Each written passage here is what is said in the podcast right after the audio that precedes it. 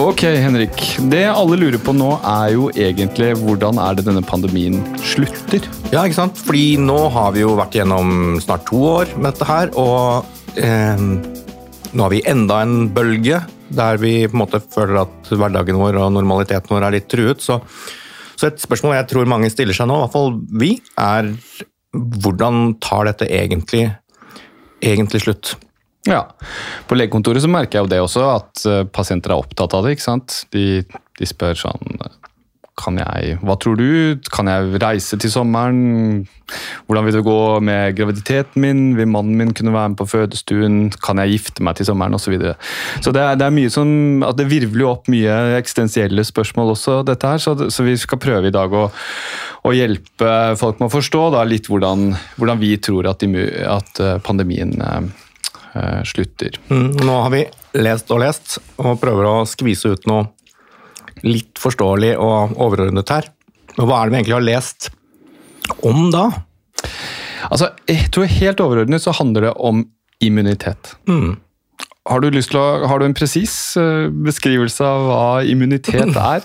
Får jeg sikkert noen immunologiprofessorer som syns dette er upresist, men det handler jo om kroppens Vi ser på det ofte som et forsvar eh, mot verdens mikrober, altså som hele tiden truer organismen, truer oss. Mikrober, hva kan det være? Det, det kan være virus, det kan være bakterier, det kan være parasitter. Sopp. Ja. Um, sånn at uh, vi har et forsvar, men, det, men, mange vil også si at det er ikke bare et forsvar, det er en slags at vi, vi inngår i et slags dans, en slags samspill med disse, med disse mikrobene. at vi liksom det handler ikke bare om å angripe, det handler om å finne en form for balanse med omverdenen eh, gjennom immunforsvaret. Altså, biologisk så består immunforsvaret vårt av, eh, av eh, celler, altså små eh, enheter i kroppen, mm. som finnes i blodbanen vår, som finnes i ulike vev. Eh, finnes i eh, immunorganene våre, lymfekjerter osv. Eh, og de har egenskaper som gjør at de kan settes inn, og, og, og også noen av dem har en egenskap som gjør at de kan lære. Ja. Grovt sett så har vi jo et, sånn, et medfødt immunforsvar, og så har vi dette immunforsvaret som du snakker om nå, som er et, et system som lærer hele veien, og som blir bedre til å, til å hjelpe oss da med å, å å leve med eller å utrydde det som, som, er en trussel mot oss. Det som jeg tenker er litt viktig å snakke om her, er jo at immunforsvaret Når vi snakker om immunforsvaret nå, og immunitet da, særlig, så snakker vi også om hvordan dette altså, Så snakker vi om på befolkningsnivå. Vi snakker ikke bare om den enkelte immuniteten. Mm, så det er en måte, Immunforsvaret fungerer på en måte på, på eh, individplan, men det har også til sammen en slags summen er større enn summen av delene er større enn delene. Altså helheten er større enn delene. Så det er, en, det er, en, det er en, noe som skjer på befolkningsplan også, som følge av våre kollektive immunforsvar, som også er veldig viktig for hvordan eh, pandemien tar slutt. Ja. Og stikkordet der er kanskje flokkimmunitet. Eh, eller, eller, befolkningsimmunitet, som, som, vi skal snakke om nå. Og, og, og befolkningsimmunitet, eller flokkimmunitet, det har vært et, et litt sånn vanskelig Egentlig et litt utskjelt begrep av i hvert fall noen uh, aktører, da. Ja, altså flokk, flokk, Spesielt flokkimmunitetsbegrepet har jo blitt et, måte, et utskjelt og kontroversielt begrep gjennom pandemien.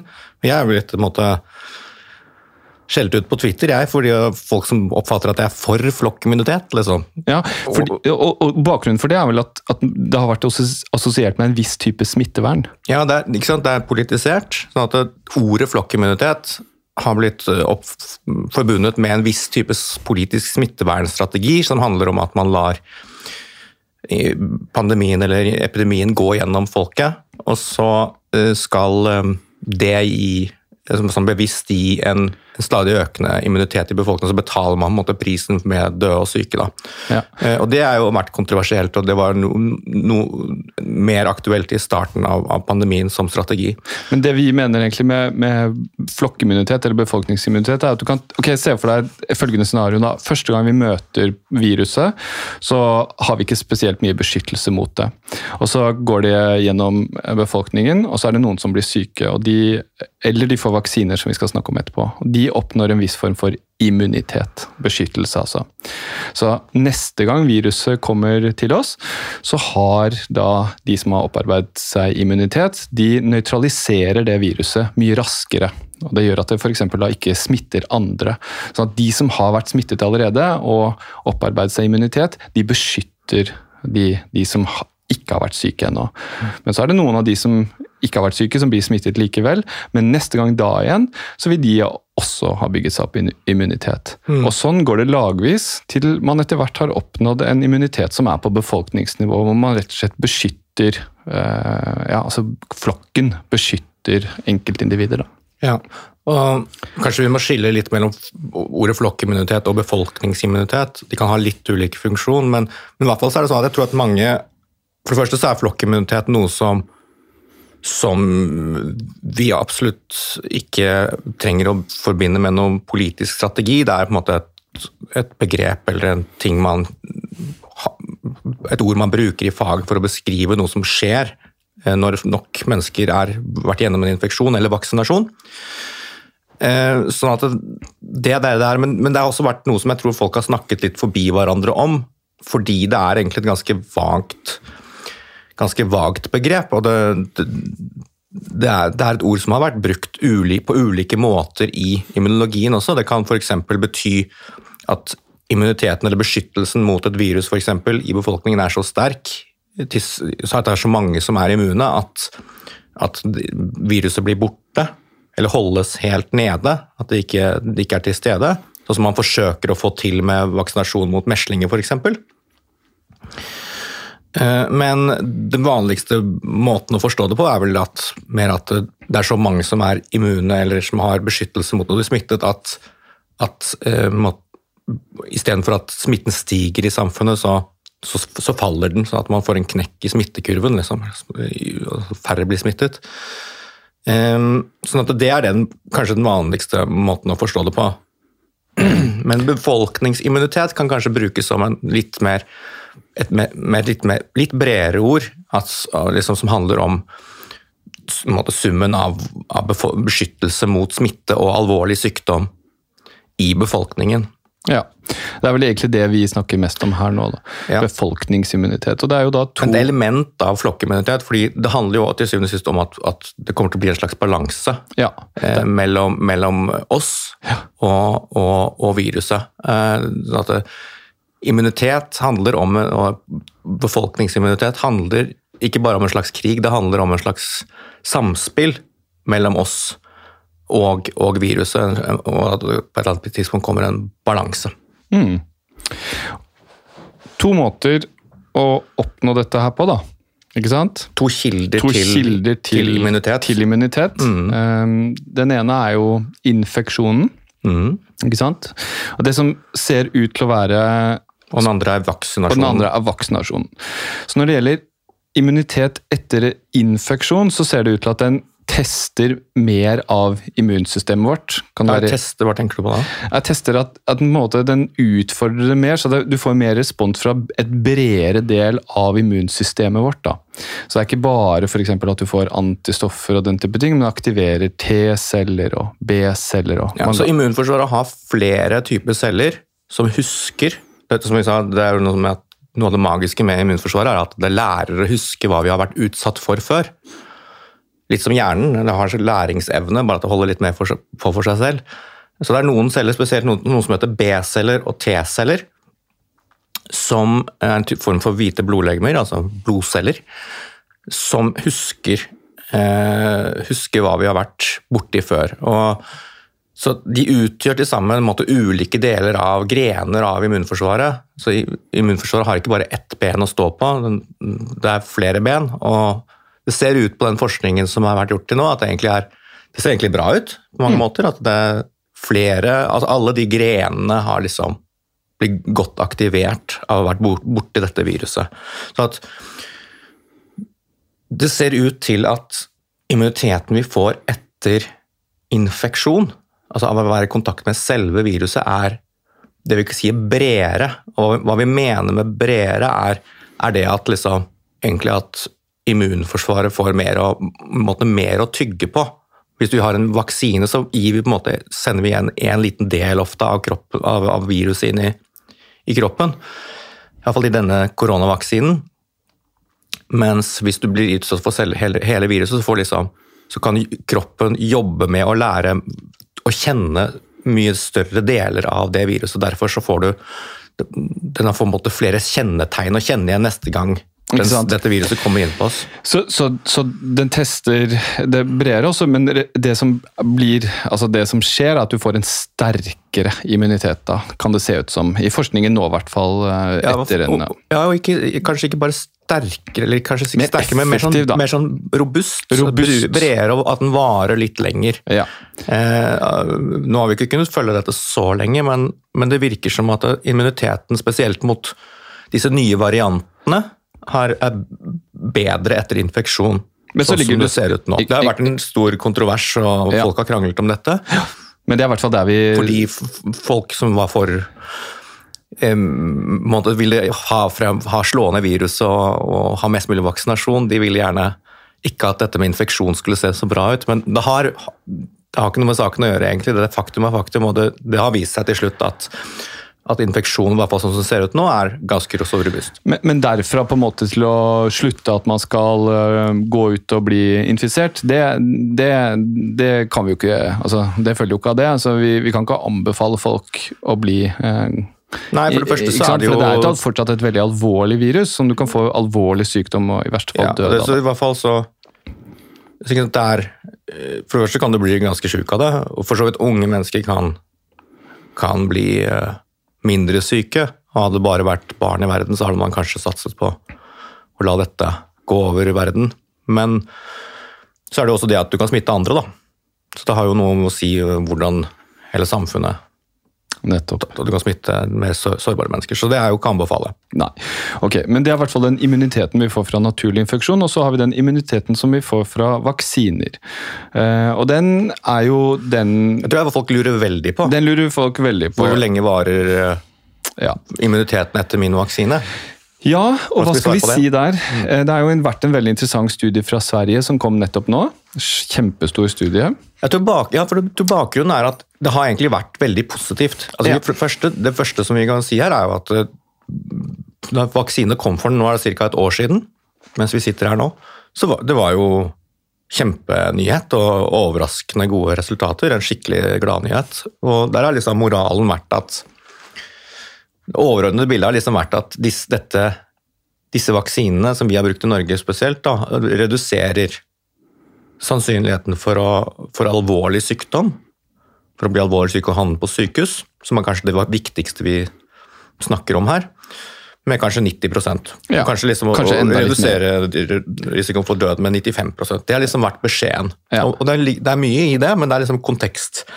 Kontekst, kontekst, hvem du er, hvor lang tid det har gått. Nettopp. fordi? Det, Dette er supersentralt. Konteksten er kjempeviktig. Mm. Men det er et par ting som vi kan bryte ned allerede nå. Det ser ut til at det er stor forskjell på graden av vaksineeffekt da, hos de eldre og de yngre.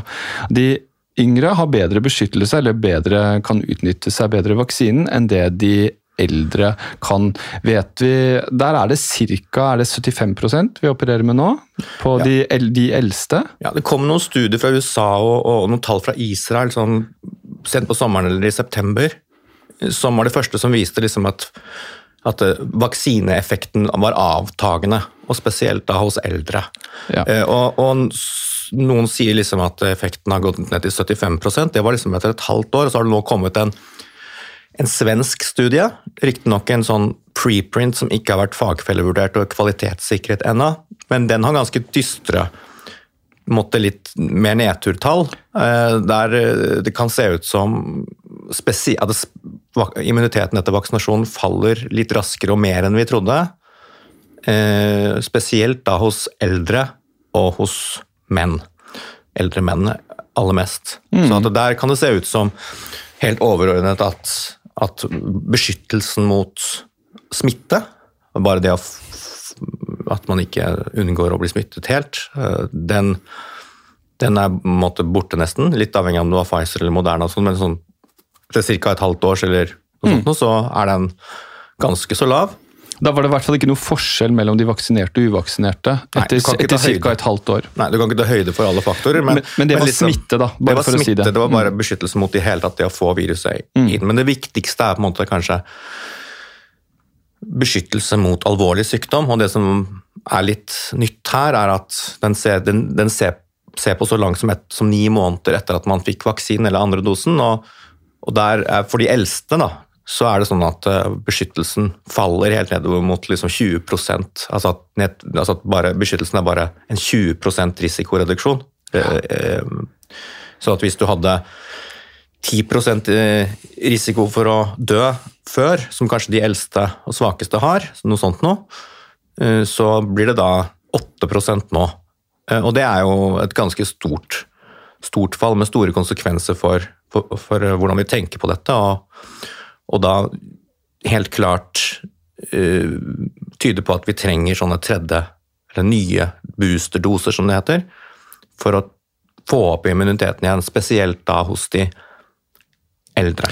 Ja, fordi det er fortsatt sånn at de, de, eldste av oss de, de, klarte i utgangspunktet å utnytte seg dårligere av vaksinen. De hadde dårligere effekt i utgangspunktet, også etter to, de første to, kort tid etter de første to vaksinene. Ja. Og så faller den raskere, effekten faller raskere enn hos de yngre. Hmm. Så det er ganske uh, viktig nå at vi får på plass en, uh, en boosterdose, som du sier, av de den mest marginaliserte gruppen, da. Mm. Eller den, den, svakeste gruppen der. Mm. Men nå har vi snakket om måte, de to kildene til immunitet. Og, og, og overordnede beskjeden her altså, tenker jeg er at både eh, vaksiner, men kanskje aller mest infeksjon, gir egentlig ganske god immunitet, men den er fallende over, over eh, måneder og år. Eh, så, så, hvordan skal dette ta slutt? Det, det, har vært, det, har jo vært, de som har tenkt at dette er så alvorlig virus at vi må utrydde det. Ja, og jeg, jeg tror at det er viktig å skjønne nå, virkelig liksom dypt forstå at det viruset SARS-CoV-2 det forsvinner ikke fra jordas overflate. Du vil si såpass? Ja. Tenker du at det er noe grunn til å hevde noe annet? Altså de fleste, de fleste immunologer og folk som jobber med disse tingene, vil si at det er en umulighet. Altså det å utrydde et virus er noe som vi mennesker bare har gjort et par ganger. ene gangen var med koppeviruset, som er det, kanskje det verste historie, viruset i historien, men det gjorde man gjennom vaksinasjon, avhengig av hvor, hvor godt den vaksinen fungerer. For å utrydde eh, SARS-CoV-2, eller koronaviruset vi har å gjøre med nå, så vil det kreve en voldsom innsats globalt, koordinert i mange land som kanskje ikke har ressurser til det. og sånt. Men kanskje enda verre er at dette viruset finnes, kan smitte over på dyr. Så det blir så mye å holde i at det, det tror vi Det tror i hvert fall de fleste ikke er mulig, da. Ok, Så hvis vi ikke kan eh, utrydde det viruset, hva gjør vi da? Ja, altså, Da er stikkordet endemi. Og hva betyr det?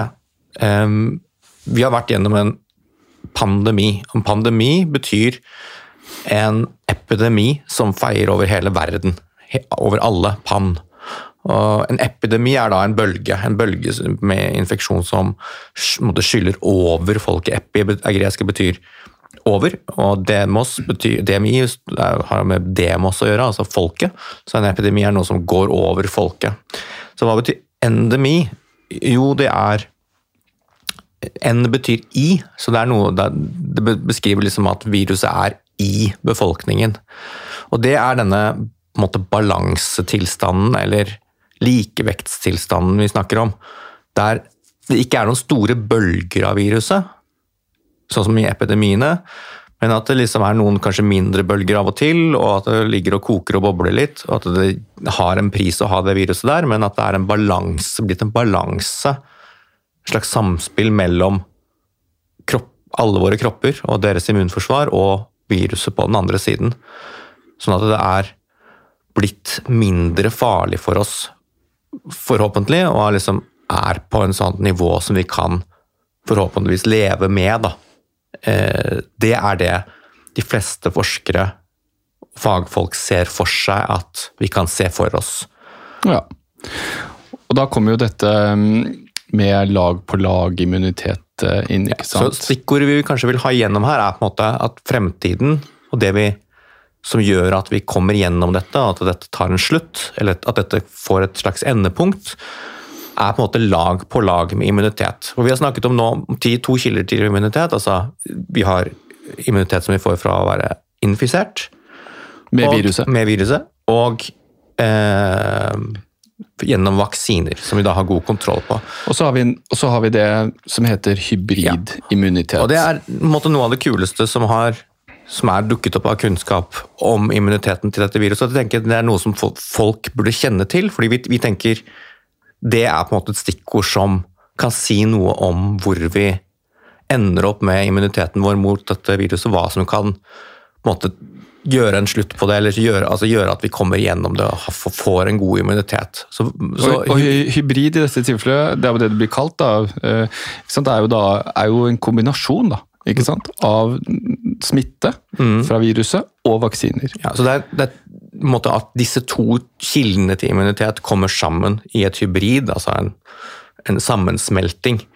Eh, og det man har sett, da, hva, hva er hybridimmunitet? At forskningen på immuniteten vår har vist at først og fremst at de som har hatt viruset før, og så får vaksinasjon etterpå, de får på en måte en overlegen form for immunitet, en slags superimmunitet. Mm. Eh, og det har muligens litt å gjøre med at det er bare et, et slags mellomrom mellom at de har hatt et langt mellomrom mellom infeksjonen og vaksinen, som gjør at måte, immunforsvaret kan lære i mellomtiden lære å tenke seg litt om. Måte, og, og, og, lage bedre antistoffer og bedre celler som kan møte viruset neste gang. Så, så, så det er én faktor, men man tenker også at, at det er nesten noe sånn litt magisk med denne formen for immunitet som virkelig viser hvor genialt immunforsvaret er. Da. Og det er øh, at, at en form for sånne Som vi snakket om, sånne immunceller som heter B-celler spesielt, måte kan Når den er i kontakt med, med, med viruset, et, i etterkant av dette lage ulike varianter av seg selv. Måte, i, på en måte gjette hva, hvordan kommer dette viruset til å, til å uh, mutere og lage nye varianter som kan komme tilbake til kroppen. Og I mellomtiden så lager kroppene våre liksom noen, noen varianter av våre egne immunceller som skal passe med det vi kan se for oss at viruset skal komme opp med senere. Og det er jo det er jo ganske genialt. En ganske det, fantastisk funksjon. Rett og, ja, helt enig. Vi kommer jo igjen, men ikke sant, så dette er, dette er, jo fantastisk eh, kunnskap. Veldig interessant å følge med på. Igjen så vil det være noen etiske eh, problemer knytta til det. fordi at det er klart at, eller Det vi vet fra forskningen, er jo at det å ha infeksjon og så få vaksinen, det gir denne hybridimmuniteten, eller superimmuniteten. Så vet vi ikke om rekkefølgen spiller noen rolle, slik at vil du få det samme hvis du har hatt vaksinen og så eh, blir for uh, infeksjon. Ja, Det ville vært veldig kjipt på en måte hvis for de fleste i Norge så er det jo sånn at vi har fått vaksinen først. Ja. Så det ville vært ganske kjipt hvis, hvis det å få vaksinen først, og så få viruset etterpå, ikke ga den samme typen sterke immunitet etterpå, men, som, som, omvendt. Men tror du det er sånn? Ja, altså, intu, altså, liksom sånn, Hvis jeg skulle gjette magefølelsen min Nå er ikke jeg egentlig noen sånn veldig ekspert på dette, men magefølelsen min liksom være at vi, altså, immunforsvaret er smart og, ja. og, klarer å bruke denne informasjonen fra vaksine og, og, eh, og, det å være faktisk i kontakt med selve viruset på en smart måte og lage en sånn form for hybridimmunitet uansett. Men vi, men vi vet ikke, bl.a. fordi det er jo helt umulig å lage forsøk ja, der, man, der, man, utsetter folk for for liksom lager to grupper og en kontrollgruppe som får og ikke får virus. Liksom det, det, kommer ikke gjennom godkjenningen til etikere. Så, så, det er vanskelig å, lage forskning på på samme måte. Men, men det er eh, Det er i hvert fall på denne måten vi ser for oss at, at vi kan få en sterkere immunitet. Og jeg tenker, Hvis man ser for seg at, at man først har fått en vaksine, sånn som de fleste i Norge har. Og så, på et senere tidspunkt, som, som jeg tror vi, som vi om senere, men som vi tror vi må regne med at mange av oss blir, at man så får mm. blir, kommer, blir, infisert og kommer i kontakt med viruset. Mm. Um, så man så igjen kanskje får en boostervaksine, så må man jo se for seg at man kanskje kan få denne typen ja. hybridimmunitet eller superimmunitet. Det er sånn jeg har tenkt, ja. Mm. Og, og, og, og, sånn summa summarum, da, så, så tenker vi så, så, ser det ut som at det som, det som vil skje, er liksom at man, man, får lag på lag med immunitet. Flere måte, møter med enten vaksine eller selve viruset. Eh, ofte da i sammenhenger der man ikke blir så syk, fordi man har litt immunitet som beskytter mot alvorlig sykdom. Så, så, får man kanskje kontakt med litt ulike varianter, litt ulike typer vaksiner. Og så bygger man liksom lag på lag med liksom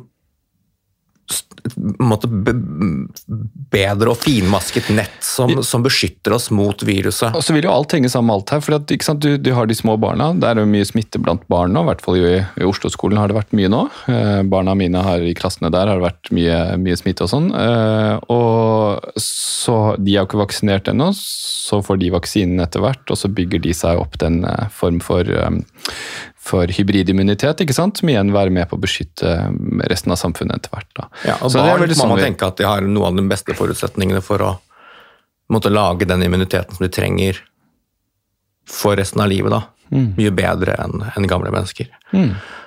Um, så det er på en måte litt, litt endepunktet her.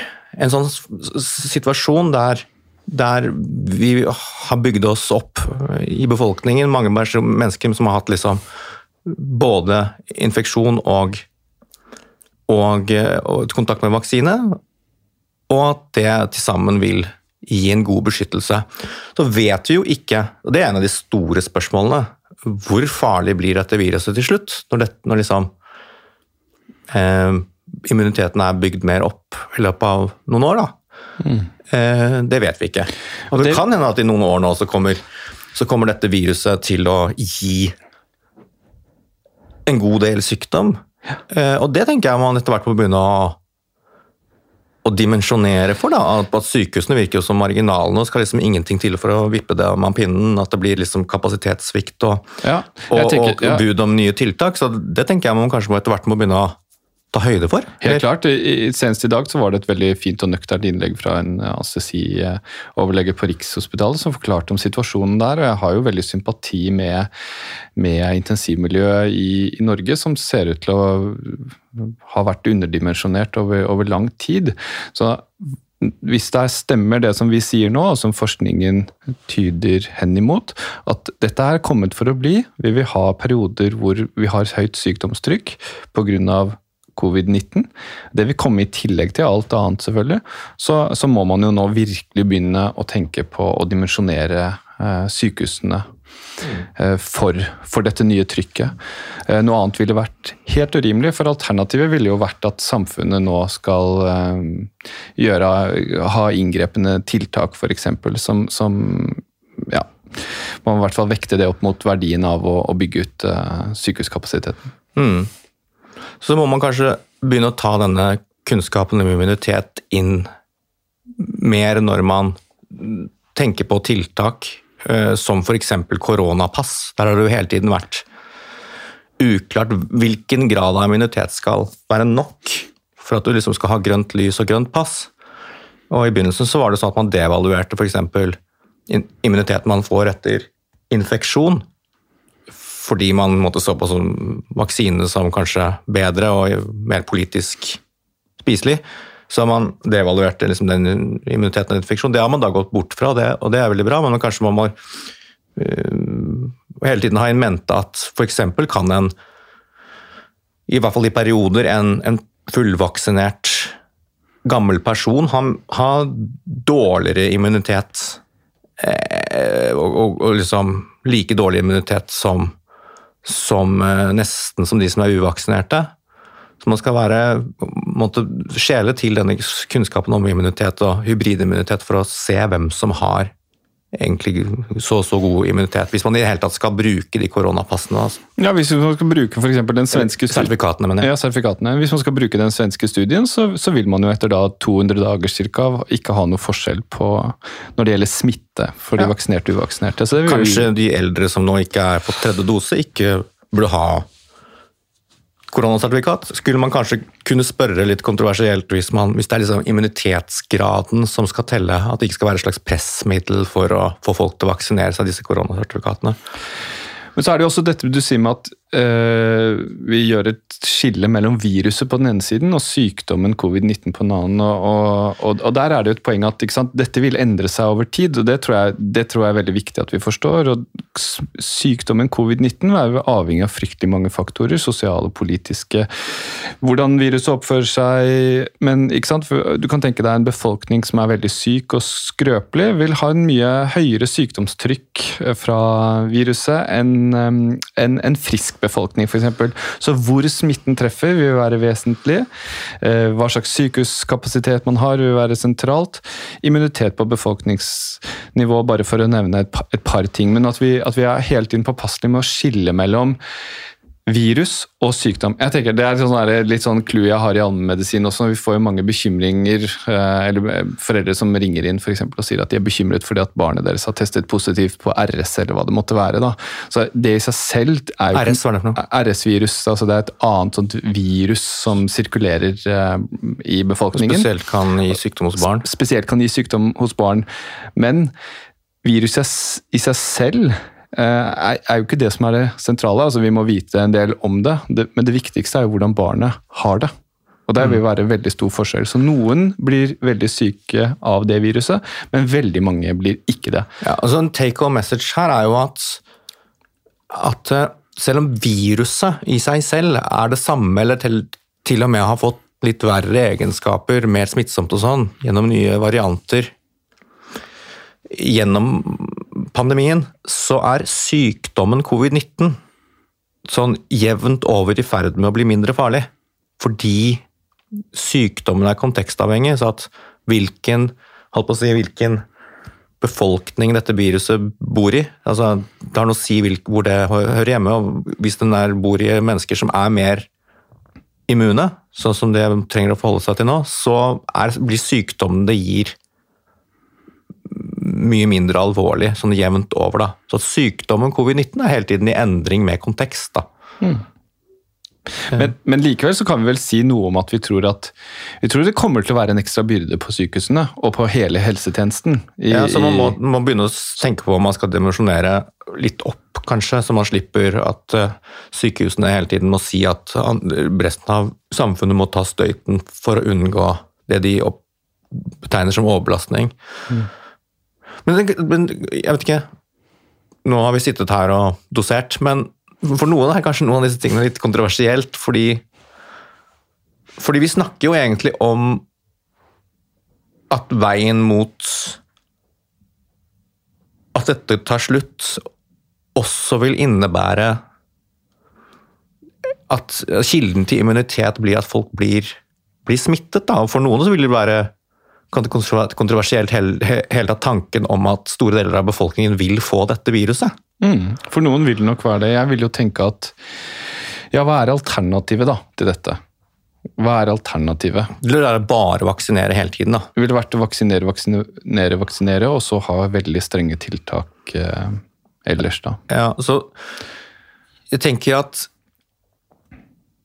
den den kilden til immunitet som infeksjon gir, er på en måte bra på den måten at det, gir, det bidrar på en god måte til befolkningens immunitet. Så betaler man selvfølgelig en pris for det, men den trenger ikke å være veldig stor hvis immuniteten fra vaksiner fra før av er, er liksom beskytter det store og heller mot, mot alvorlig sykdom. Da. Og jeg tror at altså Sånn som man ser nå, så ser man jo at vi har den største smittebølgen vi har hatt eh, gjennom hele pandemien akkurat nå for tiden. Det, det, det, kommer til å bli uvegerlig stadig større del av befolkningen over tid som har hatt dette viruset. Uh, så at, det må man bare regne med. Jeg tror også det. Vi må bare regne med det. Vi, noe annet er ureali urealistisk. Men ja, jeg har et spørsmål Henrik, som jeg, som jeg, tenkte jeg skulle stille deg. Og det er, Vi snakker jo om det er en pandemi. ikke sant? Vi har tenkt på det som en global hendelse, dette her. Hvordan vil det spille inn? Hvordan vil forholdene f.eks. For i Brasil eller i Sør-Afrika spille inn på den norske konteksten? Ja, for vi, altså, vi hører jo gjerne at, at uh, det er ikke over før det er over for alle. Eller overfor alle i hele verden. Og det er jo en fin solidarisk tanke. Også en, en god tanke at ja, vi er liksom i samme båt i hele verden. Vi, det er måtte en til syvende og sist kanskje en befolkningsimmunitet på verdensplan vi har å gjøre med som, som, som, som, vil gi denne balansen mellom viruset og oss. Så, så noen har jo da argumentert f.eks. For, for at vi istedenfor å, eh, å, å, gi eh, tredje dose til eldre i Norge, eller til oss generelt Nå har eh, Folkehelseinstituttet vi er der at de nettopp har anbefalt at det skal anbefales til alle over 18 år.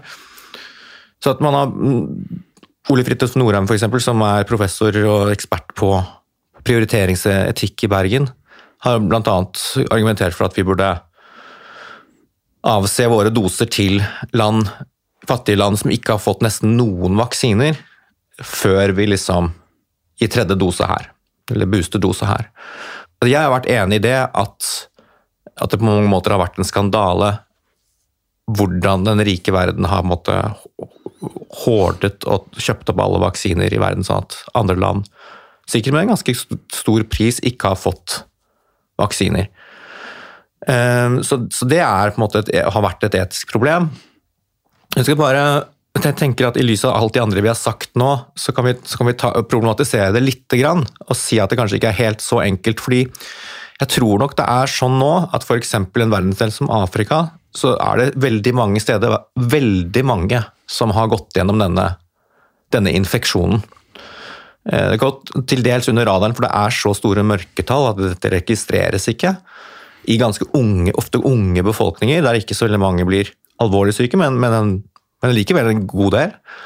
Eh, sånn at man har fått, I den siste tiden så har jeg sett to studier, blant én fra Etiopia og én fra Sør-Afrika, og den, og den overordnede liksom, take home message fra de studiene er at allerede i liksom, vår eller i sommer, altså, da de bare hadde vært gjennom den alfabølgen, altså den såkalt det vi kalte den britiske varianten, så var en stor del av befolkningen hadde hatt infeksjon. Altså, da snakker vi om 30-40-50 um, og så har de vært gjennom deltabølgen, enda mer smittsom siden. Så man må regne med at ganske store deler av den afrikanske befolkningen har vært gjennom dette. Eh, hvilket betyr at gjennom infeksjon så har de ganske mye immunitet i befolkningen. Eh, og da kan man spørre da blir det jo veldig vanskelig å vite altså Man kan ikke vite hvis man går inn med vaksiner der, eh, donerer det, Først så er det sånne praktiske problemer at disse trenger veldig sånn gunst, altså sterk avkjøling, disse vaksinene. Så det er, det er, en del tekniske problemer å distribuere den mange steder i, i disse landene. Men, men, det til side, så, så, er det Så er det rett og slett vanskelig å vite på forhånd hvem som har gått gjennom virusinfeksjoner fra før, og hvem som ikke er det. Så Hvis man skal snakke om en slags nødhjelp for å få vaksinert folk for første gang, så er det vanskelig å vite hvem man skal hvem, som er, ikke har noen beskyttelse fra før. da.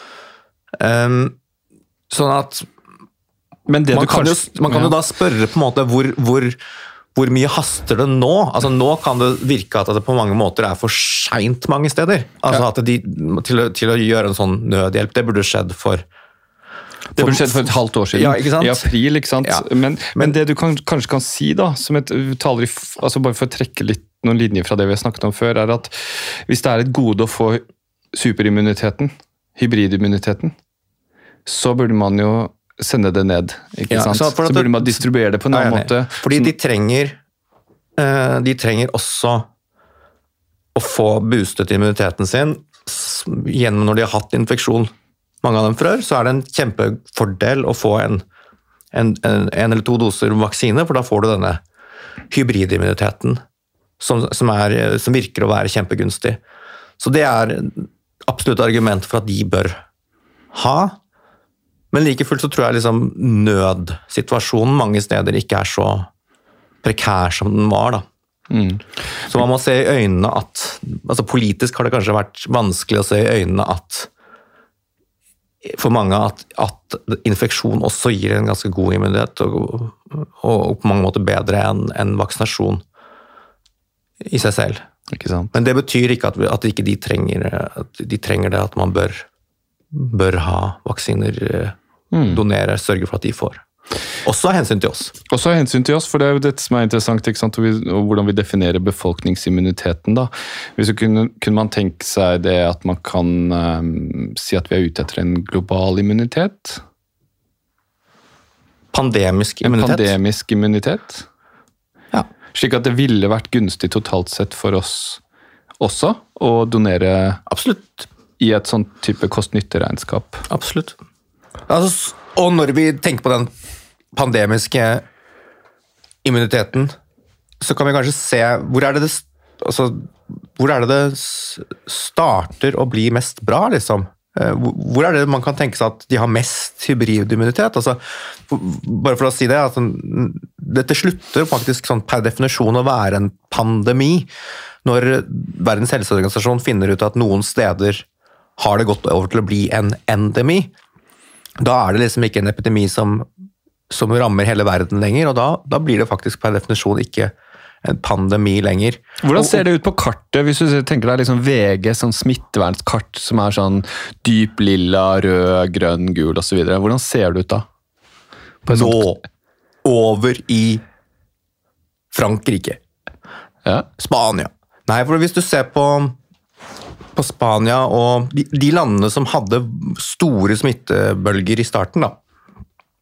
Eh, Spania, Portugal, Italia. Så spesielt i Spania og Portugal så har de hatt masse smitte. Og i tillegg så har de veldig god tillit til helsevesenet sitt, så det er skyhøy vaksinedekning i Spania og Portugal. Eh, sånn at Og bedre enn Norge, til og med. Sånn at der kan man tenke seg at det er noen av de stedene i verden som har best sånn hybridimmunitet. Mm, så og hvordan ser det ut på kartet? Jo, ganske bra. Ser ganske grønt ut, faktisk. Det er kanskje begynnelsen på slutten som man ser der.